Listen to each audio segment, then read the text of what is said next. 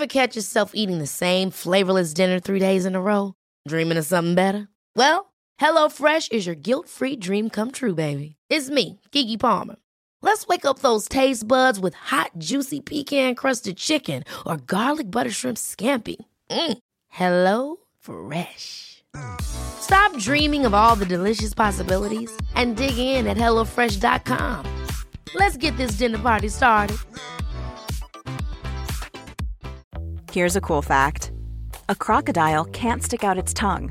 Another cool fact you can get short term health insurance for a month or just under a year in some states. United Healthcare short term insurance plans are designed for people who are between jobs, coming off their parents' plan, or turning a side hustle into a full time gig. Underwritten by Golden Rule Insurance Company, they offer flexible, budget friendly coverage with access to a nationwide network of doctors and hospitals. Get more cool facts about United Healthcare short term plans at uh1.com. There's never been a faster or easier way to start your weight loss journey than with PlushCare. PlushCare accepts most insurance plans and gives you online access to board-certified physicians who can prescribe FDA-approved weight loss medications like Wigovi and Zepbound for those who qualify. Take charge of your health and speak with a board-certified physician about a weight loss plan that's right for you. Get started today at plushcare.com slash weight loss. That's plushcare.com slash weight loss. plushcare.com slash weight loss. I can discuss some of the psychological aspects of the case. You've got to get a hold of yourself. Now look here, Johnson, I'm going to get to the bottom of this. I can discuss some of the psychological aspects of the case. And you're really crazy, you know that? Oh, yes, I remember that. Is this any concern of yours? Stop, stop, stop it now. I mean it. Ja, hei, det er psykolog Sondre Livre her. Diagnosen er dessverre svært alvorlig. Det viser seg at alt du tenker og føler er feil. Du må for all del ikke stole på hjernen din, den lyver. Alt du opplever er filtrert via nevroser fra ubevisste avkroker. Hvis du følger nøye med, er en liten mulighet for at jeg kan hjelpe deg. I discuss some of the I discuss some of the I discuss some of the psychological aspects of the case. Well, I'm just losing my mind, that's all.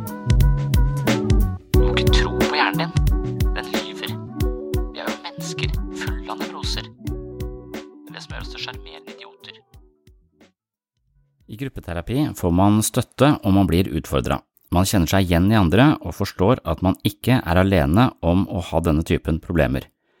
Kort sagt kan man si at det psykologiske arbeidet i gruppeterapi omhandler selvforståelse og interpersonlig læring. Hvordan virker jeg på andre, hvordan virker andre på meg, hva føler jeg om det, og hvorfor føler jeg det akkurat sånn? Dette er typiske spørsmål vi undersøker i gruppeterapi. Terapi dreier seg mye om å være detektiv i eget liv, men hvordan kan det ha seg at eh, psykologisk detektivarbeid kurerer symptomer og plager?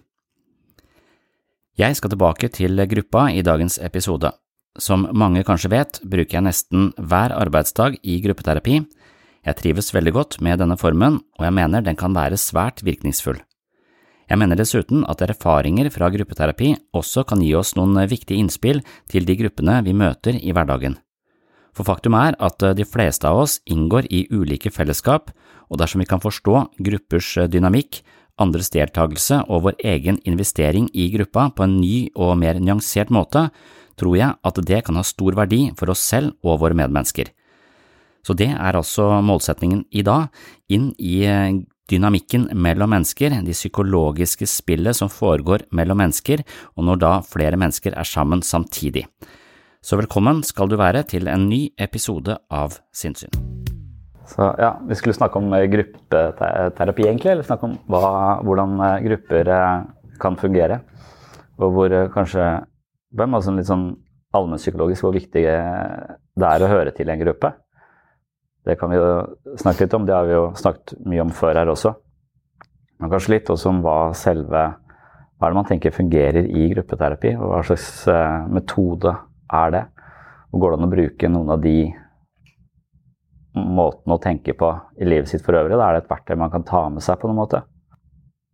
Det håper jeg, men jeg er litt usikker på det, egentlig. Så gruppeterapi er veldig opptatt av rammene liksom, og reglene. Dette er en annen type gruppe, dette er en mer sånn intellektuell gruppe, kan man si. Sånn, men selve gruppeterapien er jo mye mer nær og personlig. Derfor er liksom rammene mye viktigere når det gjelder tidspunkter og taushetsplikt og sånn. Pluss det der med kaffe og, og sånne sosiale livbøyer. Vi prøver liksom å bruke så mye At vi bruker mye energi på å unngå at det skal bli eh, et kaffeslabberas. For at det er veldig hyggelig med, med selskaper, men de har alle disse sosiale livbøyene, og så spiller de ofte på de sosiale konvensjonene og spillereglene. Så i gruppeterapi så prøver vi jo litt å, å legge de, alle de vanlige sosiale konvensjonene litt til side for å prøve å være litt mer Fortelle akkurat hva foregår i meg i møte med, med deg. Så dette opplever jeg når, når, jeg møter deg, og dette er sånn du ser ut fra der jeg sitter. Så ser du sånn ut. Og da skal man legge opp til at det er, sånn, eh, det, er trygt nok til å være så oppriktig som man, eh, som man klarer det. Det gikk litt opp for meg da at det, det å ta imot eh, Altså Du får tilbakemeldinger på deg selv, for jeg tenker også i gruppeterapi så er alle pasienter, og alle er terapeuter. Så det vil si at det, det, er min oppgave å oppleve andre, og det er deres oppgave å oppleve meg. Og sånn er det på tvers av hele Alle, alle gjør dette med hverandre hvis en gruppe fungerer godt. da. Og Fordelen er jo da at du kan liksom se deg selv i et uh, speil som ikke er forkludra av alle sånne sosiale høflighetsfraser og sånn. Det er et, uh, jeg tenker litt på sosiale livet, i hvert fall i de møtene som er litt sånn perifære. At det er litt sånn morospeil. Du blir speila på den måten, og du vet litt hvordan du blir speila, for du har noen sånne strategier du bruker i møte med andre, og så, så vet du hva du får tilbake igjen. Men hvis du prøver å være litt mer oppriktig og litt mer sårbar og, og, til stede, og den andre er det samme, så kan du få litt mer oppriktige tilbakemeldinger på hvordan du ser ut fra et annet menneskes perspektiv. Og det vel vitende om at det mennesket også har en del ting inni sitt hode som fortolker deg, men det går an å se på. Og så er vi en hel gruppe, så vi har mange blikk vi kan få på oss selv. Så der, altså, terapi går jo litt ut på å se seg selv utenfra. Det går, det, går, ut på å Istedenfor å bare tro på tankene sine, begynne å se på tankene sine, undersøke tanken. Hvor kommer den tanken fra? Hvorfor har jeg akkurat den tanken? Den følelsen kommer i kjølvannet av den tanken. Hvor kom den tanken fra? Hvorfor den følelsen oppstår? Så Da går du litt ut av deg selv for å se deg selv, men du er fortsatt deg selv. Mens i gruppeterapi så er du jo eh, også, har du muligheten til å se deg selv via et helt annet blikk. Da. Det har du også med én terapeut, men det er kun ett blikk. I gruppeterapi så har du liksom ti, ni, åtte, ti stykker i en gruppe, så har du ti blikk som kan, eh, kan, kan se deg fra ulike ståsteder. Og da må man eh, eh, For å kunne ta imot sånne tilbakemeldinger, så, så tror jeg at gruppa må være trygg nok. For det første må være trygg nok til å tørre å gi sånne tilbakemeldinger. Og så må vi hele tiden vite at alt vi tenker og føler er feil. Sånn at alle mine opplevelser av noen andre vil være farget av alle mine erfaringer og, og vice versa. Men likevel så kan det være noe der. Så, så, det å få tilbakemeldinger og gi tilbakemelding på sånn måte at det går an å jobbe med det og se på det og undersøke det uten at man blir helt fanga av det, det er eh, da man virkelig kan få noe ut av gruppeterapi. Men det krever ganske mye mot. Det krever ganske mye våg... Ja, du skal være ganske vågal, egentlig. Og der, en, der, jeg bommer, er at jeg er for brå sannsynligvis noen ganger. Og at jeg, at jeg ikke helt uh, tar inn over at det å sier, Du må ikke ta det personlig, sier man liksom i livet der, eh, der ute. Og det er litt den samme beskjeden man egentlig burde ha i gruppeterapi. at, at nå blåser jeg opp noe veldig lite, og jeg gjør det stort bare for å se om det er noe her.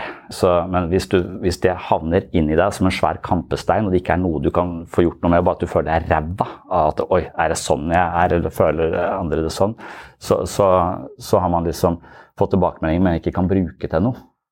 Men hvis gruppa er trygg nok, så kan vi bruke den typen eh, tilbakemeldinger. Så det hele tiden ligge i denne balansen mellom å være støttende til stede og vise at man på en måte ja, At det er en, en, trygghet og en varme i gruppa, og en undersøkende holdning, så kan det fungere veldig, veldig bra. Og man kan lære veldig mye eh, om seg selv.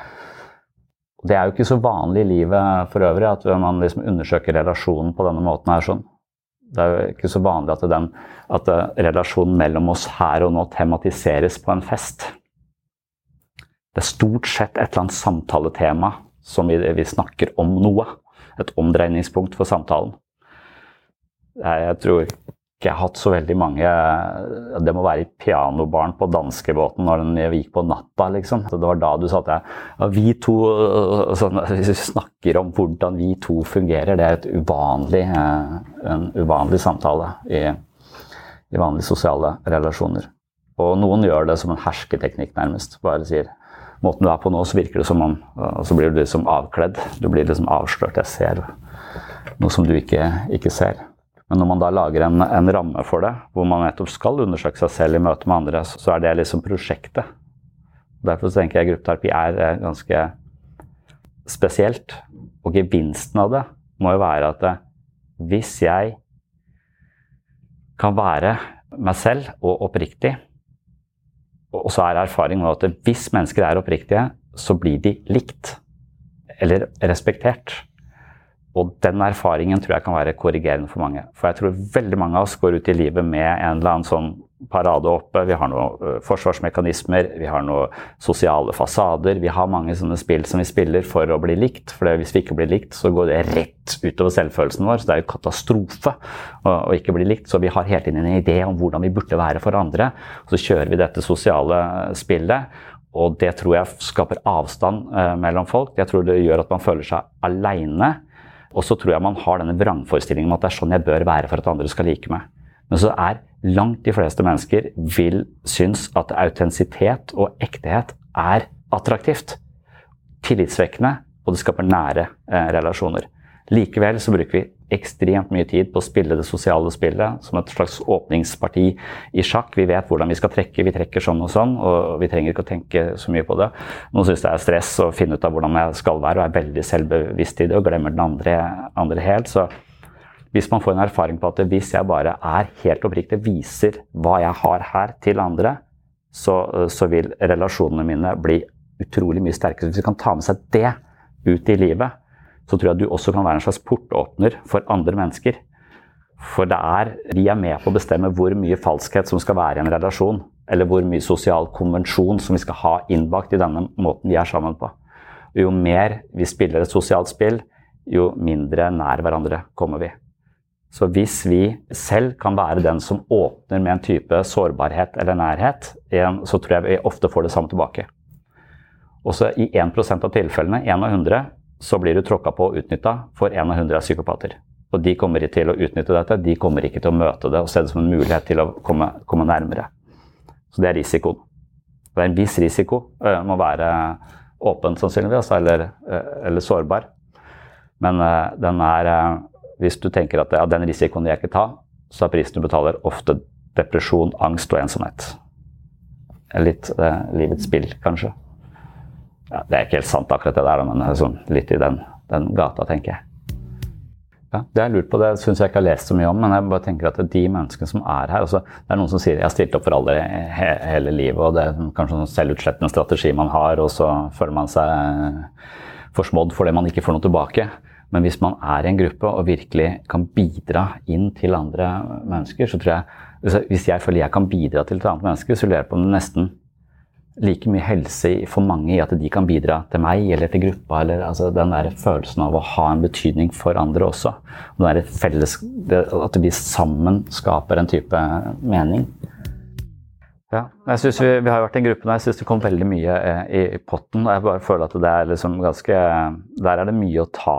Og det er jo vanvittig at det, det, det er mulig. Det, ja, det imponerer meg ofte hvor uh, Nesten som at det er Kanskje det sosiale spillet handler om å ha det hyggelig eller uh, å bli likt, eller ofte er man veldig selvsentrert uh, osv. Hvis gruppeterapi fungerer, så, så, handler det om at vi i fellesskap skaper mening som kan berike uh, den enkelte deltakeren mer enn man ville klare aleine på noe som helst måte. Da.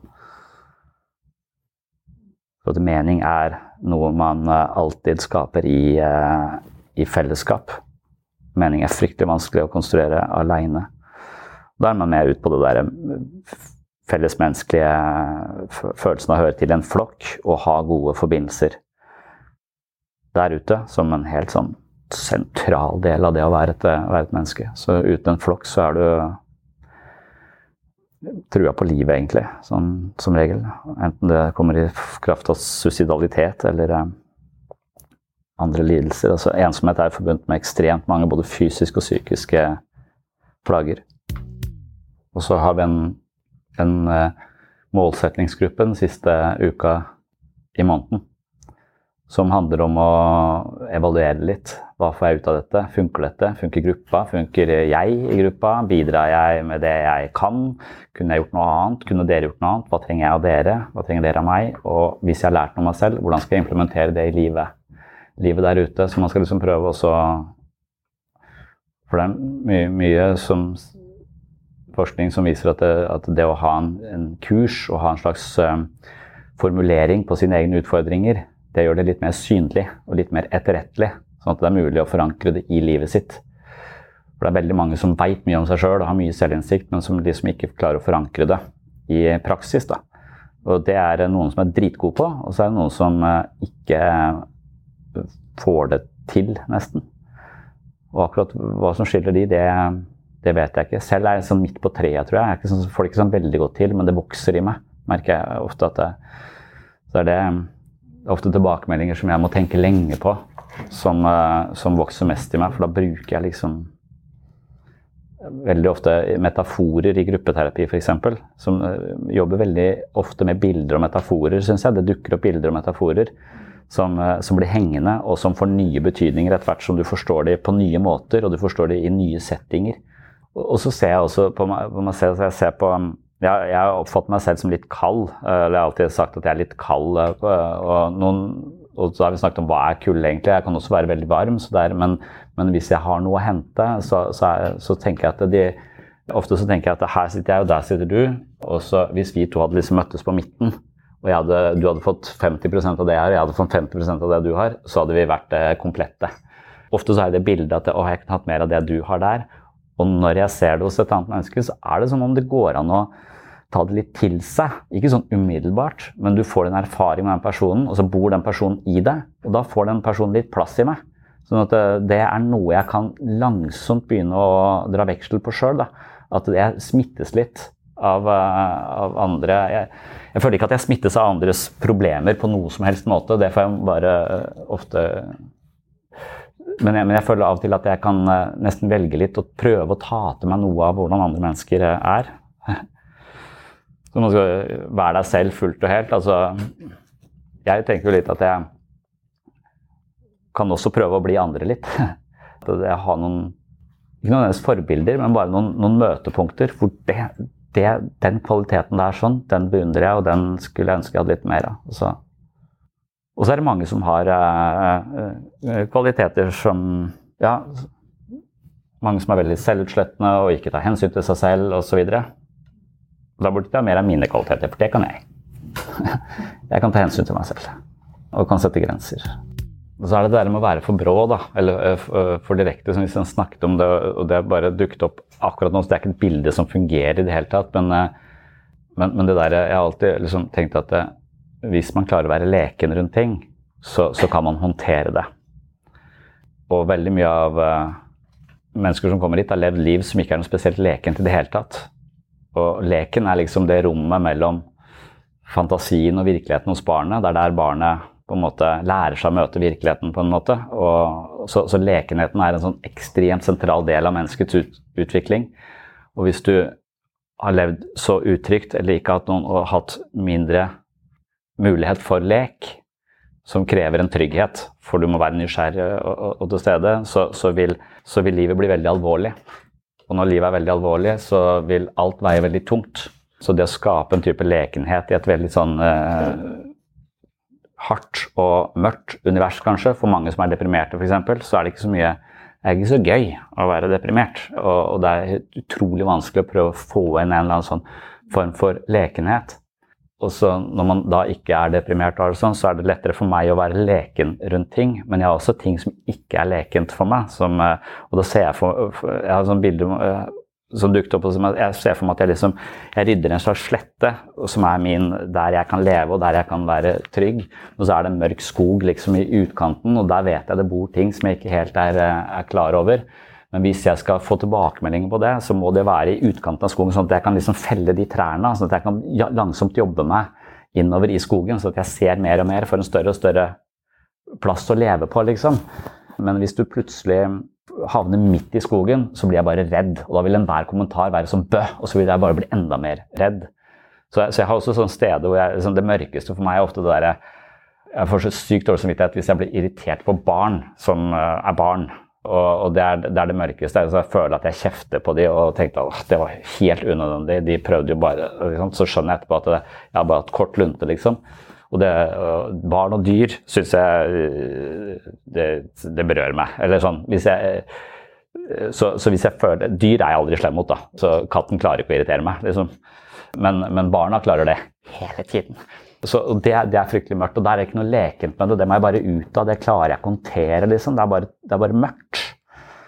Så hvis jeg skal ha tilbakemeldinger i, på meg selv, så må det være sånn at jeg klarer å forholde meg til det på en eller annen form for eh, bevegelig måte. Da. Det er mulig å bevege den, den eh, materien. Og da tror jeg kanskje at det hjelper meg det der med at alt jeg tenker og føler er feil, og alt alle andre tenker og føler er feil. For da vil kommentarene de vil ha en viss verdi. Jeg vil kunne, hele tiden kunne jobbe med det, men de skal ikke få lov til å definere meg. For hvis jeg blir det folk sier til meg, så havner jeg midt i skogen.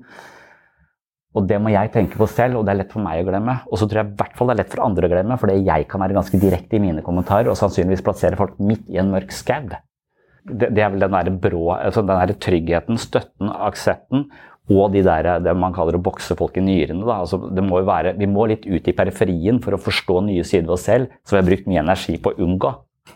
Men vi kan ikke bare kastes ut i det, for da, da, da, blir vi bare jævlig redde. Jeg vet ikke om jeg blir redd, jeg blir bare tenk, Man tenker at man er et ræva menneske, f.eks. eller, eller noe sånt. Så det er den der kombinasjonen hele tiden mellom, eh, mellom å støtte og, og, utfordre, liksom. Og ikke være for eh, Ja. For problemet ute i skauen, midt i skauen, er at du, vil, du, tror det er det. Det er det eneste som gjelder da. Du ser, du ser ikke skogen for bare trær, på en måte. Du får, har ingen oversikt. Så du tror at du er sånn eller sånn eller sånn. Eller sånn. Du blir veldig Det er der fundamentalismen til deg selv. Du får ikke noe oversikt. Men når du er liksom i utkanten, så ser du skogen. Du kan jobbe deg innover i den på en, på en sånn leken, leken, måte. Det betyr vel at Vi snakket jo for litt siden om at vi må liksom uh, gjøre det du er redd for ellers òg. Det er litt det samme prinsippet her. altså Gå litt ut i ulendt terreng for å undersøke det, men ikke, ikke forvill deg inn i skauen, for da havner du i et mørkt hull. Liksom. Det, det, er den bevegelsen hvor du, hvor du får større, en større forståelse for deg selv. Langsomt, men man må gjøre det med litt varsomhet. Ja, man har med lommelykt, liksom. Ja. Og jeg opplever potensialet for å, å, kunne være åpne med hverandre og, og litt mer sånn ærlig og direkte, er også større i en trygg gruppe, fordi at du veldig ofte vil få mange perspektiver. Hvis du selv ikke klarer å generere nye perspektiver og tenke at det, ja, det kan være noe i det, men det er ikke så Eller som du ikke klarer å modifisere det selv eller se nyansene i det, så, så har du alltid noen, noen hjelpere som ser nyansene. Sånn at da, da, da vil du, du, du får hjelp til å rydde den skauen. Jeg syns det er eh, opplever veldig ofte at jeg får hjelp til ting av andre. Så, ja, men fra dette ståstedet, så det må du huske på. Å ja, faen, det er flere ståsteder, ja. Det er ikke, det er ikke bare denne ja, For når folk er på et uh, veldig mørkt sted i den skogen, så vil enhver kommentar som prøver å, å, å dytte deg ut av skogen, på en måte, vil bare være et sånn bø! Og så blir du bare Det, det vil bare skremme, sannsynligvis. Så da er det vel eh, støttende, støttende og forståelse man trenger. Og så når man har sett en lysning og har klar for å hogge noen trær, så kan man liksom få mer utfordringer. Så hvordan vet man hvor en person er da, i det landskapet der? sånn? Det er som heter Killingmo, som har eh, skrevet masse om det. Han mener at det er noe som heter mangelpatologi og noe som heter konfliktpatologi. Mangelpatologi det er noe som, eh, som, du ikke, som, du aldri fikk, som du skulle ha hatt. Konfliktpatologi det er at eh, du hadde lyst til å drepe broren din, for han fikk mer oppmerksomhet enn deg. Så du kjempet, rivaliserte om foreldrenes gunst f.eks. Det er mer sånn konfliktpatologi. Konfliktpatologi anser man som litt mindre alvorlig, og det er litt lettere å, å utfordre, og man tåler ofte å utfordres på det. Mens mangelpatologi det krever støtte, forståelse og og aksept, anerkjennelse, nærhet, varme. Så det er to forskjellige måter å agere som terapeut på. Så øh, virkelig etablere empati og forståelse for den posisjonen. Det trenger mangelpatologi. Konfliktpatologi trenger mer sånn uh, utfor... Here's a cool fact a crocodile can't stick out its tongue. Another cool fact you can get short term health insurance for a month or just under a year in some states. United Healthcare short term insurance plans are designed for people who are between jobs, coming off their parents' plan, or turning a side hustle into a full time gig. Underwritten by Golden Rule Insurance Company, they offer flexible, budget friendly coverage with access to a nationwide network of doctors and hospitals. Get more cool facts about United Healthcare short term plans at uh1.com. Hold up. What was that? Boring. No flavor. That was as bad as those leftovers you ate all week. Kiki Palmer here, and it's time to say hello to something fresh and guilt-free. Hello Fresh. Jazz up dinner with pecan-crusted chicken or garlic butter shrimp scampi. Now that's music to my mouth. Hello Fresh. Let's get this dinner party started. Discover all the delicious possibilities at hellofresh.com. Mom deserves the best, and there's no better place to shop for Mother's Day than Whole Foods Market. They're your destination for unbeatable savings, from premium gifts to show-stopping flowers and irresistible desserts. Start by saving 33% with Prime on all body care and candles. Then get a 15-stem bunch of tulips for just $9.99 each with Prime. Round out Mom's menu with festive rosé, irresistible berry chantilly cake, and more special treats. Come celebrate Mother's Day at Whole Foods Market. Som jeg hadde en veileder en gang som, eh, som var sånn Killingmo-disippel. Jeg lurer på om han er død, jeg er ikke sikker, han var kjempegammel når jeg studerte. i hvert fall. Men, eh, så hun eh, hadde jo sånne videofilmer av, av, terapi, og så stoppet hun hele tiden. Er det mangel, eller er det, er det konflikt nå? Så skulle du liksom vurdere da, om, er, om vedkommende var på et mangelfullt sted eller et konfliktfullt sted. Og det da og det, det, er kanskje en sånn blikk man bør ha da, som, hvis man skal lede en gruppe. Og så tror jeg det er en slags blikk som en gruppe, også en god gruppe, også forstår selv. Så at det finnes, når, når noen ser at her er det for mye push på noe som er en mangel, så vil noen, noen fornemme det. Det er alltid en eller annen som har en fornemmelse eh, som, som, er mer korrekt enn den som eventuelt da er helt ubalansert. Og da oppdager jeg at det stort sett er noen andre som er i mer balanse enn meg selv. At det er jeg som stort sett er ubalansert. Det er jo litt uh... Det skal ikke så veldig mye til da, å bli balansert, egentlig. For det, jeg har liksom sett med det siste kanskje noen mennesker som liksom påvirker meg sterkere enn en andre, sånn, kanskje litt sånn negativ retning innimellom. Og, og, og så, men så kan jeg bare for å, for å, klare å nærme meg, så, så må jeg liksom bryte Jeg tror han, noen mennesker har en sånn mur av forsvar som, på en eller annen måte, og så, og så bare kommer jeg på så bare ser jeg for meg at dette mennesket hadde faen meg ingen som tok vare på det eh, når det vokste opp. Det sto helt alene i skolegården, ble rakka ned på. Og det har bygd denne tjukke muren som nå bare jeg opplever som litt sånn frekkheter, egentlig. Og det er lett å irritere seg over. Men det skal ikke så mange mentale operasjoner til før du kan se den lille stakkars personen som ikke hadde noen annen mulighet enn å bygge dette jævla tjukke borgen rundt seg sjøl. Den lille omveien der sånn kan gjøre, gjøre, mye. Og hvis du blir vant til å gjøre den omveien, så tror jeg du får, kan styrke relasjonen din ganske mye. Krever litt, selv om du veit liksom, så krever det litt. Det er den omveien der sånn som uh, sosiale medier totalt ignorerer. Så du vil aldri forstå konteksten til den andre personen. Derfor så ryker du mer uklar uh, på folk i kommentarfeltene, og det vil disse tech-gigantene at du skal, for da føler du deg dårlig. Da er du mer på uh, appene deres, og du, de tjener mer penger på det.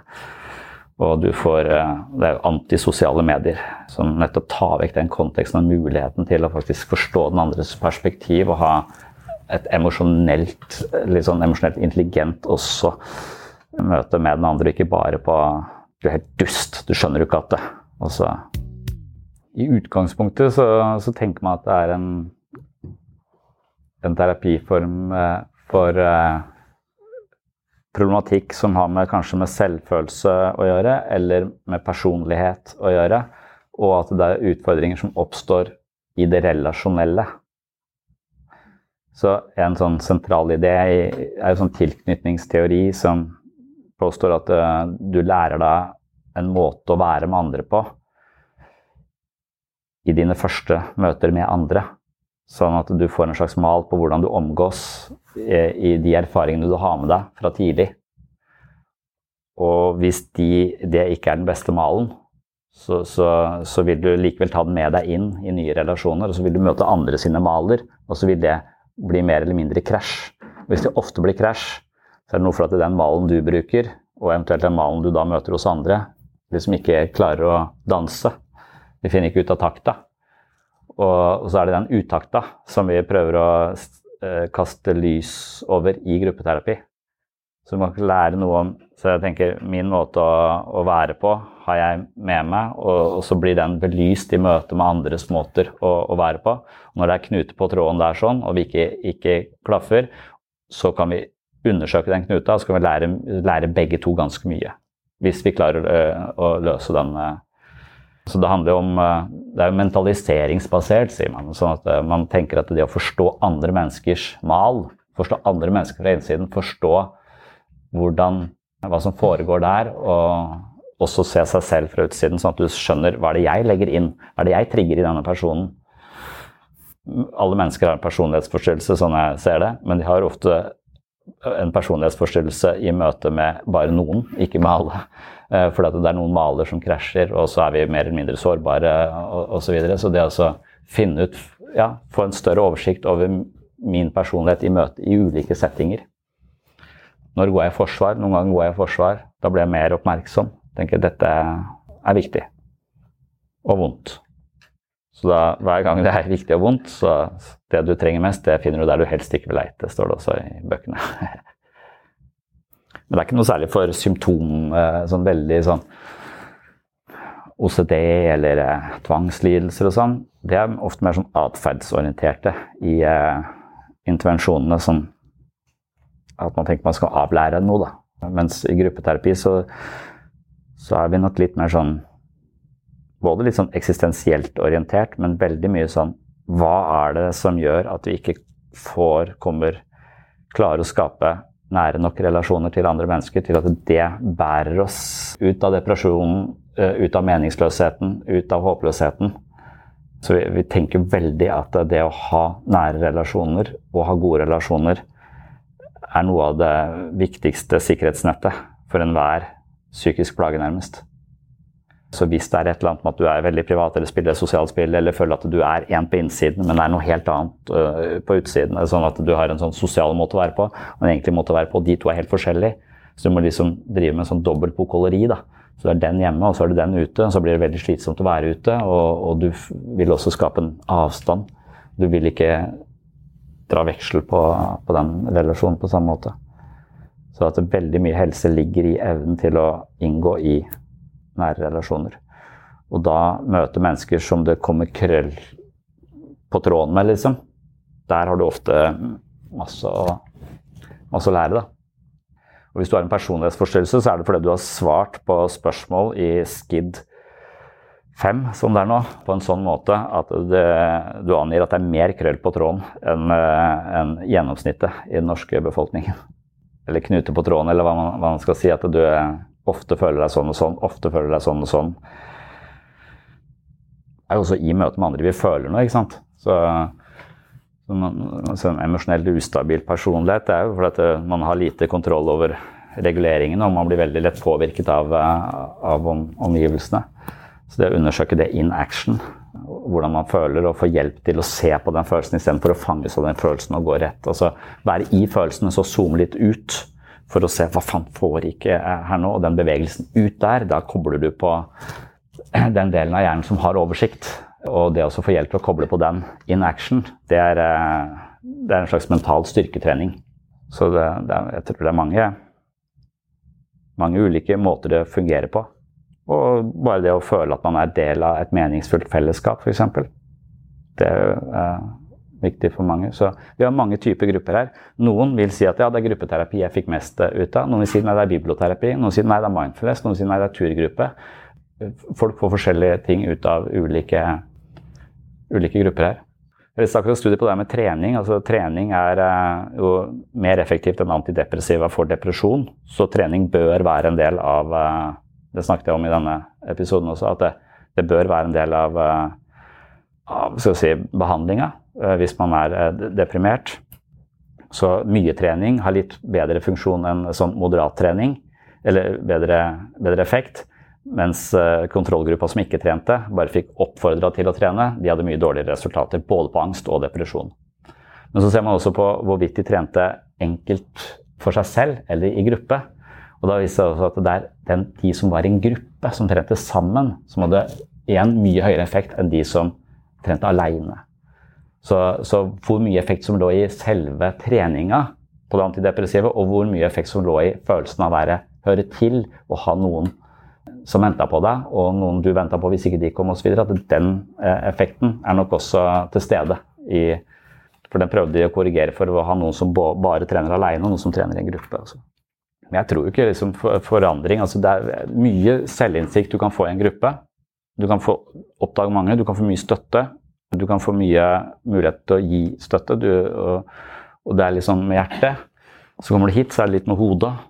Og så etterpå så skal vi trene, så er det litt med kroppen. Så jeg liker den bevegelsen fra hjertet til hodet til, til kropp. Nei, den har ikke det emosjonelle aspektet ved seg.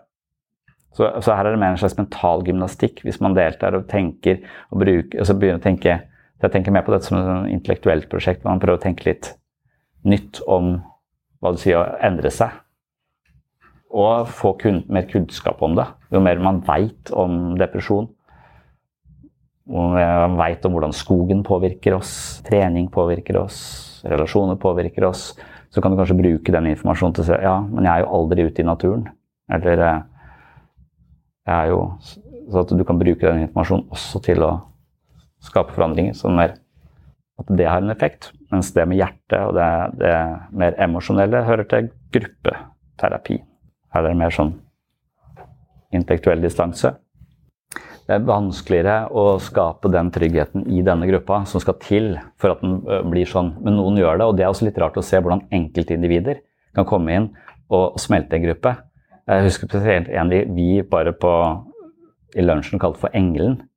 For den personen hadde en eller annen sånn enorm effekt på en gruppe med sin blotte tilstedeværelse. Måten hun så på den skapte sånn trygghet i det, det rommet. Så den gruppa vokste enormt. Og så er det noen mennesker som har en slags type kroppsholdning eller, eller en sånn kanskje veldig sterkt for, for at det her gidder jeg ikke å være med. Dere altså Det ser ut som de syns at vi er noen idioter, så det å si noe virker nesten skummelt. ikke sant? Så enkeltmennesker kan skape mye frykt i en gruppe, og enkeltmennesker kan smelte en hel, en hel gruppe. Så det er veldig sånn Det kommer litt an på, men hvis gruppa er ganske stabil og de har kontinuitet, og de samme menneskene møtes hver uke, så vil, uh, vil sjansen for at det blir nærere, være større. Så man kunne sagt at denne gruppa skal bare ha åtte deltakere, sånn som den andre. Så ville dette blitt et helt annet, et helt annet rom. Men der gjør vi en sånn vurdering på at ok, skal vi gi skal vi tilby det til mange, eller skal vi se det inn så det kommer mange på ventelista igjen? Så det, det er den der kombinasjonen av hvor, hvor mange skal være med her, og hvor mange og jo høyere gruppa blir, jo mer utrygg blir den. Det vet man. Tar du ned antall deltakere, så vil tryggheten også øke. Men hvis du tar, bare har kontinuitet i deltakerne, så vil det også ha veldig, veldig mye å si. Derfor er det helt avgjørende i gruppeterapi at folk kommer hver eneste gang. For Hvis ikke så, så ødelegges effekten ganske, ganske mye. Ja, det, det, er ikke noe tvil om. Det viser jo alle undersøkelser også at det er ofte andre, de andre gruppedeltakerne som har vært det viktigste. Men jeg, jeg lurer på om også selve konseptet. altså at det, Av og til så sier jo mange at det, ja, men her er jo alle gærne. Eh, og akkurat den ideen er den, jeg tror, det Vi snakket om statusangst sist. da, Jeg tror den eliminerer litt av statusangsten. For jeg tror at Her skal vi ikke kjempe om status. Her er vi fordi at livet er litt vanskelig. Og det er det for alle mennesker. Men vi er de eneste som tør å innrømme det. Eh, og, og er her. Så, så, det er en slags sånn følelse av at, eh, at um, den der kampen om status, den, den, vil fortsatt være der litt innimellom. Og da får vi disse sosiale dragkampene. Men idet vi klarer å komme forbi den uh, statusangsten, så har vi liksom lagt noe som jeg tror er presserende for veldig mange mennesker i livet der ute, litt til side. For her skal vi ikke liksom flotte oss eller prestere eller uh, få likes. Her skal vi prøve å undersøke oss selv på en, sånn, på en dypere, dypere, måte. Og bare det elementet der sånn, det tror jeg gjør at vi slipper for et av det der helvetes jaget på en eller annen måte. Men det er mange som fortsetter det, det jaget inn i gruppene også. Og, og, kanskje jeg gjør det selv av og til òg, jeg vet ikke. Men at det, det er liksom så innprenta i oss og så viktig for selvfølelsen vår å bli anerkjent og, og sånn at det hele tiden ligger eh, present. Da, og det vil jo forstyrre forstyrre den eh, terapeutiske prosessen vi ønsker å få til, egentlig. Det er derfor vi ikke tenker at vi skal ha venner i gruppe eller eh, familie. altså De ikke skal kjenne hverandre. for at Ofte så binder vennskap på en litt annen måte. Det forplikter på en litt annen måte. Ja, Vi er helt åpne for venner. Nei, venner vil jo ofte si hyggelige ting til bare for at de skal føle seg bedre, for du er glad i personen. liksom. Eh, så den oppriktigheten vi prøver å få til, den kan forstyrres i en vennskapsrelasjon. Men absolutt, altså at alle de menneskene som, eh, som, er innom, og da i en sånn, ikke en sånn statuskampjag, eh, men snarere på en oppriktig måte, det setter jo spor helt annerledes enn en andre, en andre, ting. Så da er han ganske heldig som har vært her i 15 år eller noe sånt, og også fått så sykt mange spor. Og da, da, tror jeg altså, det, er veldig mange som har en type mistillit til andre mennesker, som jeg snakket om tidligere også. at den, den, mistilliten til andre mennesker, at Hvis du har vært i en sånn fora hvor folk er åpne og oppriktige, så langt det lar seg gjøre og så langt man klarer Noen grupper funker ikke så bra, og noen grupper funker bra, de går i perioder hele tiden. Men det du har erfaring med det, så vet du at alle mennesker strever på hver sin måte. De er litt lik deg. Og hvis de oppfører seg ufint på en måte, så er det en slags desperat kamp om å holde hodet over vannet. Så hvis du, hvis du klarer å se forbi det, så får du sånn Jeg får ikke, jeg får ikke sånn bilde av verden et, eller andre mennesker som onde. Eller som slemme eller ute etter deg. Du, du får, så den mistilliten jeg kanskje hadde før, ja, folk er dust, sånn som jeg kunne sikkert tenke før, den, den avtar. For det at det, det er ofte på overflaten folk er, er, dust. Og det tror jeg kanskje kan korrigere eller det, det, Derfor jeg, lurer på, jeg av og til tenker at jeg er litt sånn naiv når jeg har sånn, så tillit til andre mennesker. Men jeg tror den tilliten bare kommer av å hele tiden ha vært i fora hvor folk viser så mye tillit. Men hvis, er, hvis, du da, hvis jeg hadde vært rusmisbruker og kjempa om med andre om det, så er det ikke sikkert jeg hadde tenkt at folk er så jævla hyggelige og har så tillit til mennesker. Så det bare satt meg i en setting hvor hele mitt verdensbilde gjør at da, jeg tar mer tillit til Jeg har ikke tillit til uh, politikk og verden som sådan, men, men andre mennesker, enkeltindivider, har jeg mer tillit til enn jeg hadde før. Og selv om jeg ikke har grunn til å ha det, så er det i hvert fall bedre å leve med. Jeg blir sjelden lurt. eller sånn, Det er bedre å gå rundt og tenke at folk er gode på bunn, enn at de er uh, ute etter det. Ja, litt det samme som sist når vi sa når han der, jeg hadde en boka som handlet om å gå ut i naturen eller stå på vidda eller gå inn i en kirke. altså Den følelsen av å være litt liten eh, og litt ubetydelig. Den, det er litt parallell til denne følelsen av å være litt lik andre. Ikke verken over eller under, men bare litt lik. Jeg skjønner jeg, for det. Jeg har en skog, du har en skog, alle har en skog som de driver og ser om de klarer å eh, finne ut av. Og den, den følelsen der, den tror jeg ansporer til eh, ja, det kan dempe den statuskampen eller den der eh, hele tiden behov for å vinne over eller sånn Så at man kan ta Ja, det De som er vanskeligst å ha med å gjøre, de strever hardest for å, for å komme seg ut av skogen. Og når du skjønner det, så er det litt lettere å, å ikke bli et offer for det. For noen driver og økser deg ned for å komme seg ut av sin egen skog, ikke sant. Men ligner denne erfaringen på uh, det derre med Jeg har en tendens til å kunne bli sånn starstruck hvis jeg ser eller møter på mennesker som jeg anser som uh, å være kjendiser. For jeg ser på de, liksom, jeg ser litt opp på det. Det er det overfladiske spillet status. De har uh, mange sosiale poeng. Og, og, derfor er det en helt sånn ubalanse i den relasjonen. Jeg blir liksom stressa i den relasjonen. Og i den, Jeg har ikke møtt så mange, men i den jeg møtte og noen som jeg da hadde kjent, så spør jeg syns ikke du det er stress å møte den og den. eller sånn, sånn. Og så sier alle de jeg har møtt, ja, men, og de jeg har hørt snakke om det også, at ja, men det går, det har lært, det er bare vanlige mennesker. Alle er bare vanlige mennesker. Alle er like eh, idioter som alle andre. Så, så de, de, de, det, er liksom, det er den setningen som går igjen, at de føler seg lik. Selv om de overhodet ikke er like, for de er liksom Alle ser opp til de. Mens for at de skal kunne omgå å si de der som blir sett opp til, så må de også skjønne at de er like eh, seg selv. Du, liksom, du, du, du er nødt til å gjennomskue det sosiale rangeringsspillet som er så overfladisk, for å i det hele tatt kunne være kunne hvile der. Mens jeg som ikke egentlig Jeg klarer ikke det. Jeg klarer det. Jeg syns det er så deilig å være, føle seg eh, lik med den mennesket du kommer tett på. Men med en gang jeg møter noen som jeg anser sånn, så kan jeg fort bli veldig stressa av det. Altså at, at jeg ikke glemmer at det, ja, du er også bare et menneske som tilfeldigvis gjør noe som alle ser på. Og da, da blir den ubalansen der sånn eh, og, og, hvis den ubalansen, hvis vi selv føler oss jævlig dårlige, så vil den ubalansen være til stede hele tiden. Da. Så man, mange tror jo, tror jeg, at alle andre klarer seg bedre eller har det bedre. Eller i hvert fall når man har det dårlig, så tenker man at alle andre har en eller annen er Ja, man, at man ikke skjønner at det, ja, likeverd har en stor effekt. Altså. Ja. Det er det også veldig mange som sier i gruppeterapi, at ja, nå skjønte jeg at jeg er ikke den eneste som har det sånn. Altså, det er flere som, uh, som har det sånn som, uh, sånn som, jeg. Og at man ikke tenkte at man var så Eller man har tenkt man var så sykt spesiell på en negativ måte, eventuelt. Og så kan man tenke at man er sykt spesiell på en positiv måte, og at det blir litt grandiost, og at det også kan bli slått ned.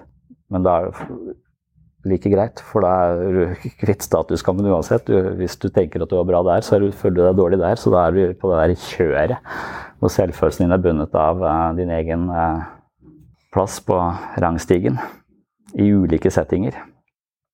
Da kommer sammenligningen til de grader, og den, så mye vi sammenligner oss nå med andre, og hvor mye vi blir utsatt for andres uh, utseende osv. Det snakket vi om sist. Formelen på selvfølelse. altså Selvfølelse er lik suksess delt på pretensjoner, som er William James. Så pretensjoner er hvor hvordan kan jeg være? Den er den og den. Og hvis du har masse målsetninger eller ser hvordan andre er, så får du enormt høye standarder. Og hvis du da ikke lever opp til de, så vil så én på suksess og 1000 på, på mål og ambisjoner og osv., så, så vil jo selvfølelsen din være, ha et veldig lavt tall. Så Derfor er det veldig lurt å ha lave ambisjoner og mye suksess, Og da har du jævlig høy selvfølelse. Ja, det, er, det, er, en måte å hacke hele livet på. Uh, og så skjønne at alle de der forbanna standardene som ligger under linja her, sånn, de har jeg adoptert og tror at de er jævla viktige. For det, alle magasiner og uh, sosiale medier viser meg hva som er tegn på suksess og vellykkethet og min verdi som menneske. Og jo større det blir, jo mindre sjanse er det for at jeg lever opp til det, og jo verre blir min selvfølelse. Det er derfor jeg føler meg Jeg tror ikke jeg er noe egentlig, objektivt sett, tror jeg ikke jeg er noe dårligere pappa enn andre. Jeg tror bare at jeg eier 250 bøker om hvordan være god forelder. Og da skal jeg så inn i sykt mye suksess til, for jeg kommer til å ha en god selvfølelse som pappa. Stein umulig for meg, det. Med alle de bøkene. Jeg må brenne de jævla bøkene for å i det hele tatt ha kjangs til å føle meg eh, ikke tilkortkommen syns det er noe litt drastisk å brenne bøker. Jeg føler at det sånn, Bokbål føler jeg liksom ikke er Det er assosiert med mye faenskap. Kan gi det bort så andre kan føle seg ræva. Pluss denne ideen vi har om at vi er vår egen lykkes med. For den ødelegger hele dette regnskapet, den også. For hvis ikke du har høyt tall på suksess, så er det bare fordi du har vært lat eller ikke fattet det til. Altså, så det derre Ja. Jeg tror det var Ronald Reagan som sa det der If you're poor, you're poor by choice.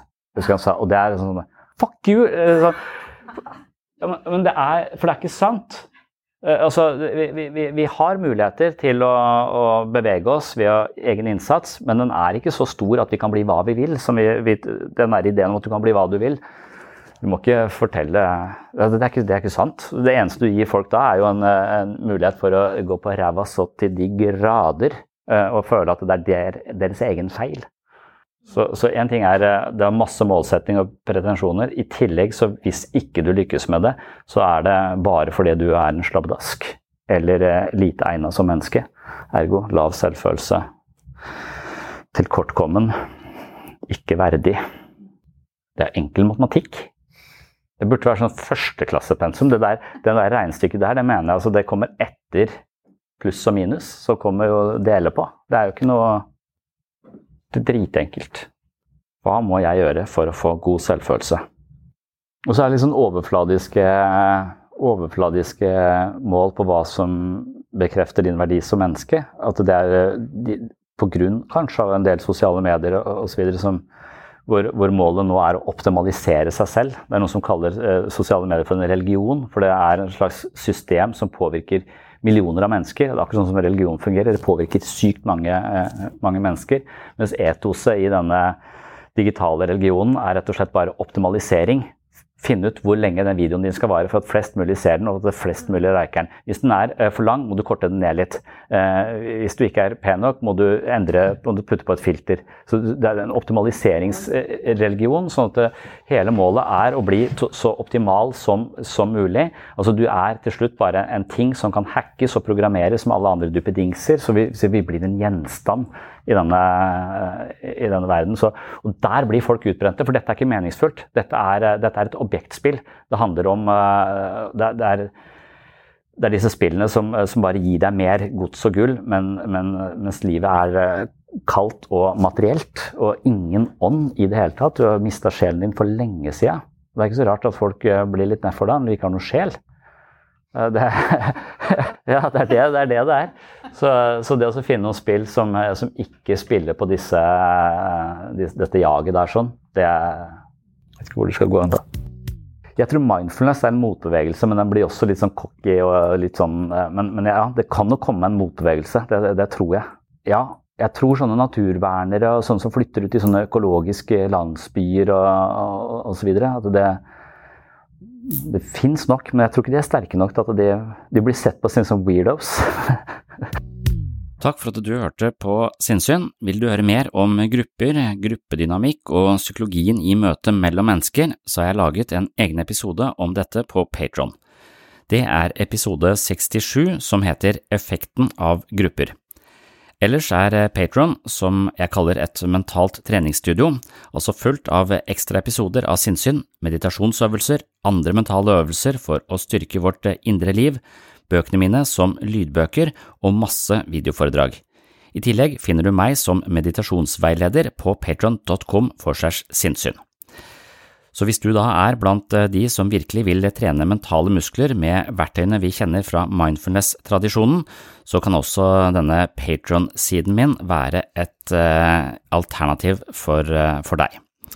Så finner du verdi her på Sinnsyn, ønsker å støtte dette prosjektet og dermed få tilgang til alt dette ekstramaterialet, så håper jeg at du tar turen til min Patron-side, altså patron.com for segs sinnssyn, og blir medlem i klubben.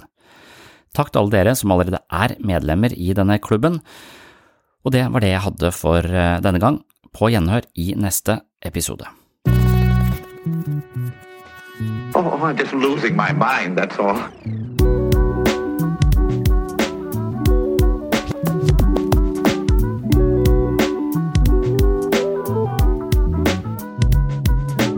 I can discuss some of the I can discuss some of the I can discuss some of the psychological aspects of the case.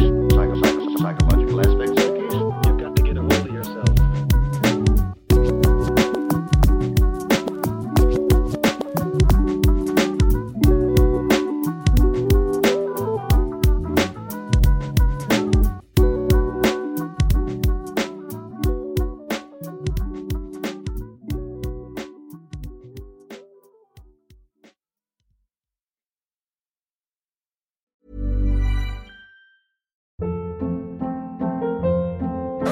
Hold up. What was that? Boring. No flavor. That was as bad as those leftovers you ate all week. Kiki Palmer here, and it's time to say hello to something fresh and guilt-free. Hello Fresh. Jazz up dinner with pecan-crusted chicken or garlic butter shrimp scampi. Now that's music to my mouth. Hello Fresh. Let's get this dinner party started. Discover all the delicious possibilities at hellofresh.com.